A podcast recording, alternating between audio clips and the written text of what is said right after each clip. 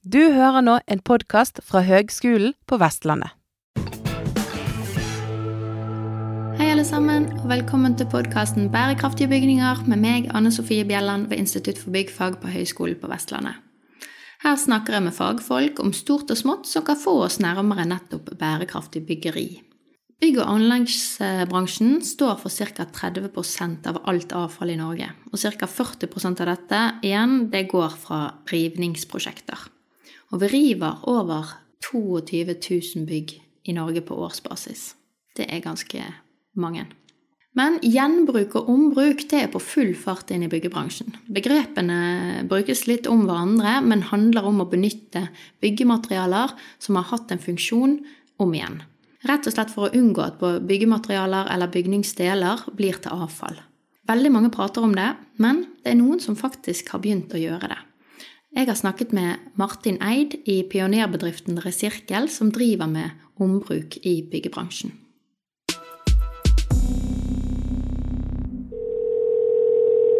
Hei sann, Martin. Hei, Anne Sofie.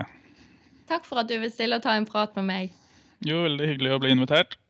Eh, vil du begynne med å fortelle litt om din bakgrunn og hvordan du har havnet der du eh, er i dag? Ja, det kan jeg gjøre.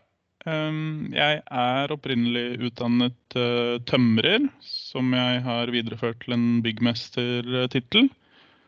Um, jeg jobbet ikke så lenge som det etter at jeg var ferdig med læra, uh, og var innom en del andre næringer før jeg omsider stiftet et eget foretak innenfor byggenæringen igjen. Og uh, jobbet fra ja, 2007 til 2015 med å etablere et mellomstort entreprenørforetak. Og eh, i løpet av de siste årene der så ble jeg mer og mer opptatt av hvilke ressurser som går til spille i byggeprosjektene våre. Og eh, eh, satte da i gang et forskningsprosjekt regi, med støtte fra Innovasjon Norge og Forskningsrådet. Og der begynte på en måte ballen å rulle litt for meg, som gjør at jeg etter hvert og omsider nå har havnet i en veldig nisjet næring innenfor bygg og anlegg. Hvor vi da altså ser på ombruk av byggematerialer. Ja. Vil du fortelle litt mer om virksomheten deres og hva, hvordan den fungerer? Ja. Eh, Resirkel ble stifta i 2013 og har hele tiden hatt som langsiktige og overordna mål å forsøke å industrialisere dette her med ombruk av byggematerialer. Og eh, vi har vært veldig hands on og aktive ute i byggeprosjekter og ute i felten. Ikke bare deltatt på alle disse teoretiske samlingene og workshopsene. Eh, og eh, i dag så jobber vi mye med rådgivning inn mot byggherre, entreprenør og arkitekt. Og eh, vi eh, fasiliterer også uthenting, lagring, kvalitetssikring og videreformidling og bruk av eh, overskuddsmaterialer og brukte byggmaterialer. Ok, Hvor mange jobber hos eh, dere nå, da? Nå er vi blitt fem stykker. Eh, en god blanding av bakgrunner og erfaringer. Eh, vi har to arkitekter, en økonom, tidligere eiendomsutvikler, en på lager og logistikk, og eh, jeg som jobber nå mye med prosjekt, men også litt inn mot utvikling av egne digitale verktøy. Ja. Men, men er det store eller små prosjekter dere jobber med i hovedsak? I hovedsak så vil jeg si store. Vi var I fjor så var vi involvert i det meste egentlig av det som foregikk som er knyttet til ombruk her i Oslo. Blant annet så kartla vi regjeringskvartalet for ombruksmuligheter. Vi bidro inn i KA13-prosjektet til Entra. Vi var med og vant en arkitektkonkurranse sammen med MAD som heter Reinventing Cities. Vi jobber også med en del sånn områdeutviklingsprosjekter og parallelloppdrag sammen med arkitekter. Mm. Men i forhold til det der med kartleggingsjobben, så alle de byggene som står, som dere er inne i og, og da kartlegger, de er jo ikke bygget med tanke på å kunne demonteres og ha gjenbruk av materialet. I hvert fall, i hvert fall så vidt jeg vet. Men, men, hvordan oppleves det? Altså er det mye som kan tas ned uten at det blir ødelagt? Ja, jeg vil absolutt si det. Altså, det er mange av disse byggene her som i hvert fall innvendig da, har blitt pusset opp og bygget om og rehabilitert helt frem mot rivedato. Og det kan være investert ganske store summer i å oppgradere bygg helt frem til man bestemmer seg for at nå skal vi rive og bygge nytt. Så inventar løst og fast, her er det veldig store muligheter. Og eh, også en del på fasade og bærende konstruksjoner nå begynner jo på en måte å bli interessant fordi det kommer etterspørsel etter det. Hadde det Mm. ikke vært det, så hadde det vært litt utopi. Men nå begynner man jo å vise at eh, man faktisk ønsker og vil og får til. Mm. Men hva er det dere omsetter mest eh, gjennom din bedrift, da? Av eh, materialer Er, eller Nei, jeg vil egentlig kanskje ikke pinpointe noe helt spesifikt. Nå har vi, akkurat nå så har vi mye vinduer inne. Uh, og det er sjeldent at det er så veldig gamle. Det kan ofte være helt nye. Og det, det beror på at det, det gjøres en del feilbestillinger på vinduer og dører. Og det kan være små avvik i lydkrav, eller det kan være små avvik i høyder ofte, som gjør at uh, ja, Senest nå så fikk vi inn 41 helt nye balkongdører. Mm. Som da har vært montert, og så har de blitt demontert. Og så har man ikke noe eh, kall det sirkulær løsning på å få utnytta de på noe annet vis enn å kaste de og eh, resirkulere de. Da. Ja, men i en sånn situasjon, da kommer Resirkel, og så kjøper dere de, eller får dere de, eller hvordan funker det? Det kan avhenge veldig av produkt. Hvis det er på en måte et uh, produkt som, som er litt eh, hodebry, og som man har store avfallskostnader ved, så kan det i noen tilfeller være at vi får det mot at vi enten demonterer det og henter det.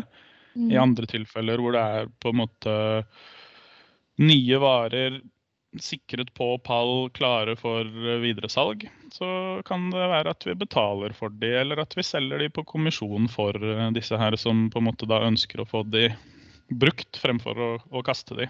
Ja, ja. Så det, det avhenger egentlig litt av kunde og produkt, og også antallet. Det er også litt viktig å presisere at vi får ofte forespørsler. Beklager, nå er det litt eh, bygge, byggestøy i bakgrunnen her. ja, det passer til temaet, det. Ja, vi får ofte forespørsler òg fra prosjekter som er helt på randen av på en måte riving. Da. De, de står overfor å kaste masse fine ting, og så ringer de oss og så spør de, hei du, vi har ett vindu eller en død eller to toaletter her. Vil dere komme og hente det? Og det er også en vurdering vi hele tiden gjør. Er det nok kvantum? Er det, står det seg å dra ut og bruke ressurser på å hente inn de tingene her? Eller er det på en måte for lite volum, da? Eh, Ja. Så der jobber vi også hele tiden og, og ser egentlig helst på liksom de store volumene. Eh, og også selvfølgelig eh, prøve å unngå adhoc-forespørsler helt i siste liten, hvor man egentlig ikke har tenkt ombruk i det hele tatt, men plutselig får det for seg at oi, her står vi med 100 vinduer som Mm. vi egentlig har putta i container. Kan noen redde de? Mm. Eh, Jeg skjønner. Men, men så lurer jeg på, Mm. når dere da henter inn en del ting Jeg ser for meg at det er veldig fort at eh, dere henter inn ting gjerne fra større bygg og eh, større prosjekter, men at det kanskje selges videre til et, en, en, en mindre gren i markedet, altså mer til privatmarkedet. Stemmer det, eller? Um, vi har, vil jeg si, litt salg til private. Men vi har egentlig ikke fokus eller retta oss veldig sterkt mot det private. Men vi har noen Finn-annonser ute, og vi uh, er positive til uh, privatkunder òg. Men vi retter oss i hovedsak mot uh, litt større prosjekter som etterspør litt større kvantum. Å ja, OK. Okay. Så vi jobber Men- mye fra prosjekt til prosjekt. Ja. Men så formidles jo eh, det dere har til, tilgjengelig, det formidles jo gjennom nettsiden deres, som minner om en sånn nesten eh, en slags Finn-side, eller sant? der presenteres produktene, og det står eh, hvor mange Mm. det er og sånn. sant? Ja. Ehm, men jeg lurte på, for i disse tider, så når man prosjekterer og planlegger enten det er nye eller rehabilitering av bygg, så jobber man jo i en digital verden. Man jobber med, med BIM-en. Mm. Bygningsinformasjonsmodellen, og ønsker jo å legge inn alt som eh, digitale elementer. F.eks. et vindu setter man inn, og så kommer all informasjon om dette vinduet rett inn i den digitale tvillingen, sånn at all, all, all informasjon er på samme sted. Mm. Eh, jobber dere med å finne en løsning i forhold til det? Ja. Vi har egentlig jobbet med det siden 2017. Da fikk vi også et uh, ble vi bevilga midler av uh, Innovasjon Norge for å se på et overordna styringssystem for uh, ombruk av byggematerialer. Så vi har på en måte tatt mye av den erfaringen vi gjør oss i det daglige, og putta inn i digitale verktøy som letter både vår jobb med å kartlegge, men også tilgjengeliggjør disse her produktene til arkitekt, byggherre, entreprenør. Med nødvendig dokumentasjon og i riktig format. Ja. Mm. Det var bra. Men driver dere med testing òg, da? For å verifisere Ja, altså vi, vi, er jo ikke Sintef eller Kiva. Men mm. der vi trenger å teste, så gjør vi det i samarbeid med partnere.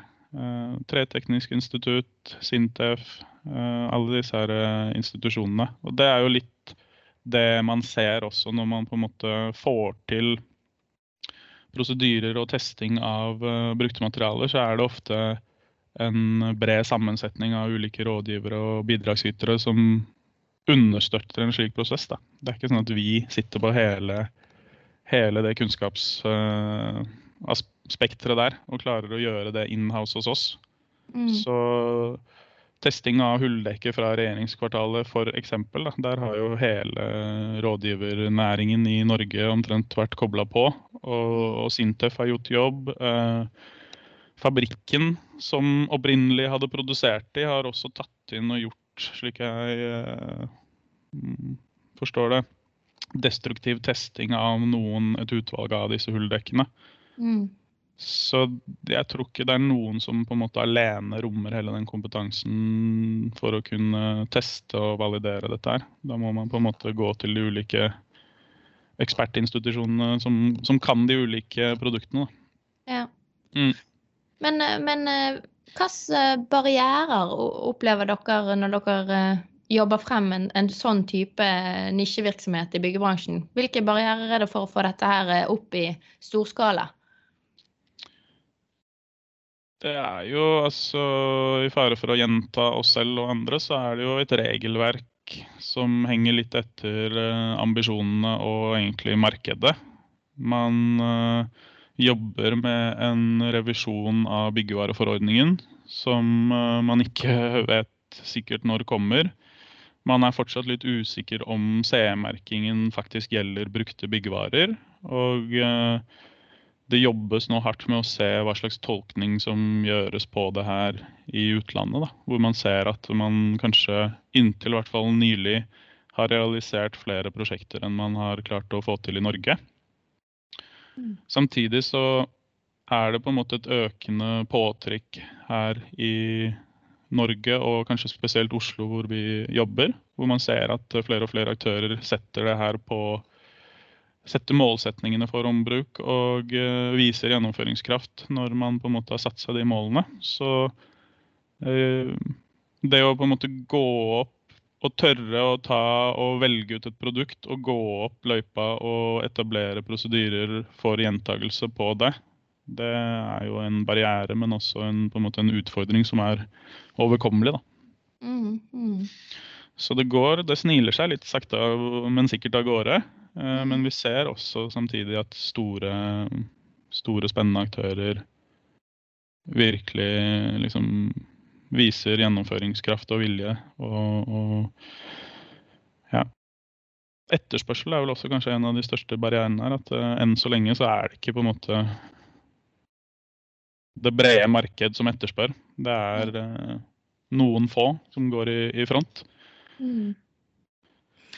Men, eh, men, i forhold til de tingene som jeg har vært borti her i Bergen, da, så har litt av årsaken til at sånne initiativ og ambisjoner har falt bort. Litt av årsaken skyldes ofte logistikk.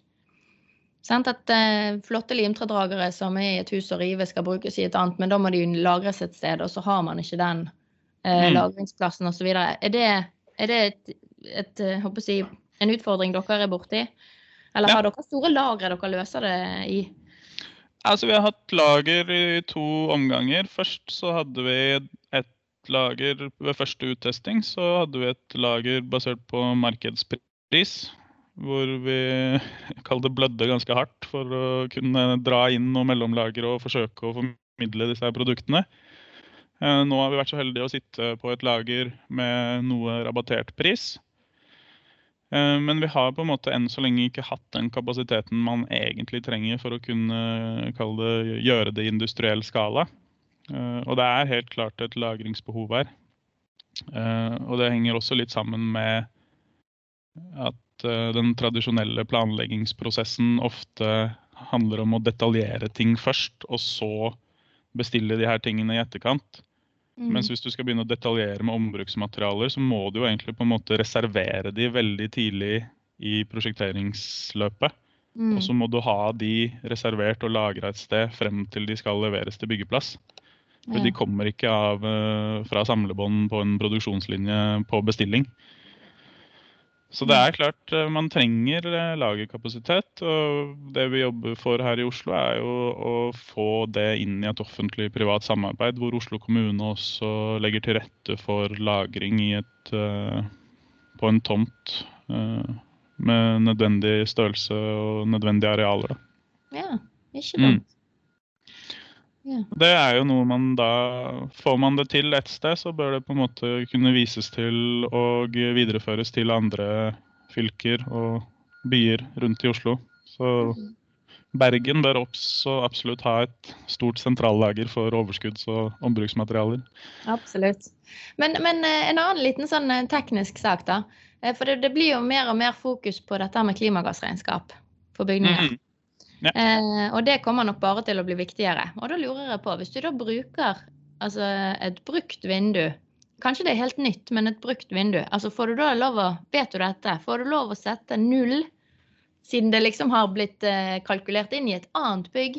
Går du da i null på klimagassutslipp, eller hvordan Vet du hvordan ja, I utgangspunktet så gjør du jo det, fordi den kalde CO2-en du har eh, benyttet til å produsere det, er jo egentlig regna inn i et prosjekt allerede. Den er tatt på et prosjekt, så da har du egentlig null eh, CO2 når du tilfører det vinduet til det prosjektet du ønsker å bruke det i.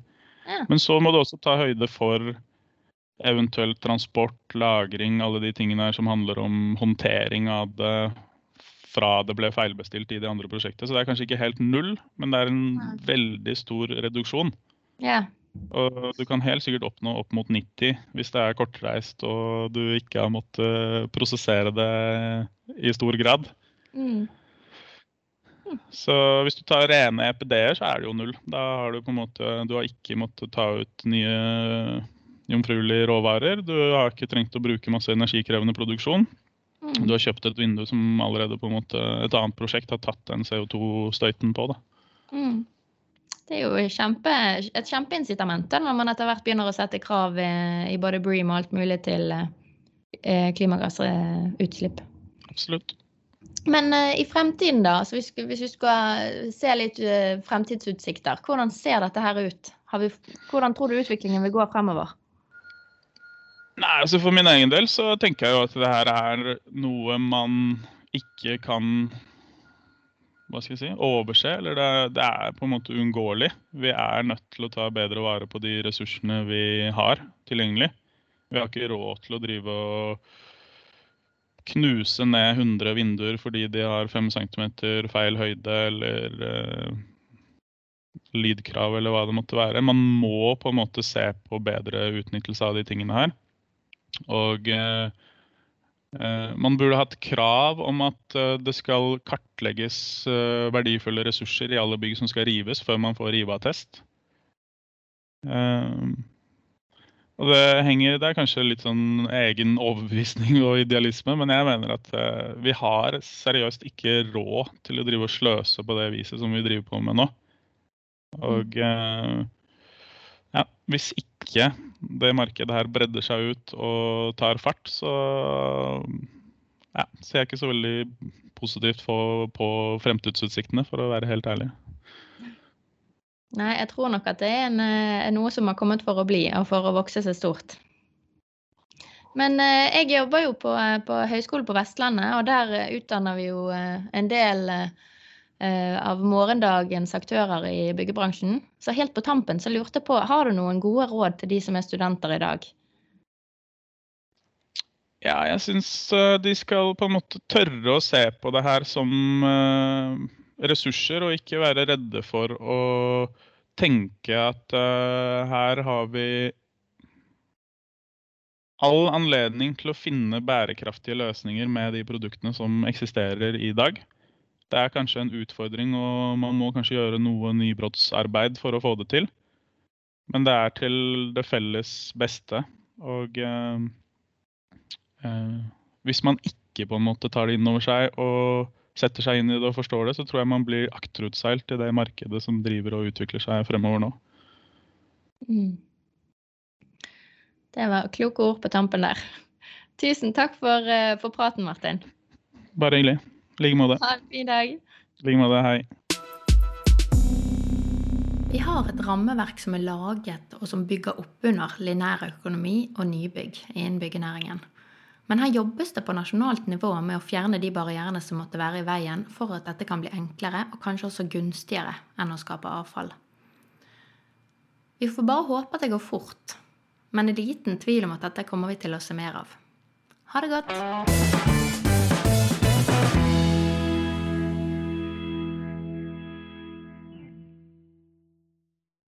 Du har nå hørt en podkast fra Høgskolen på Vestlandet.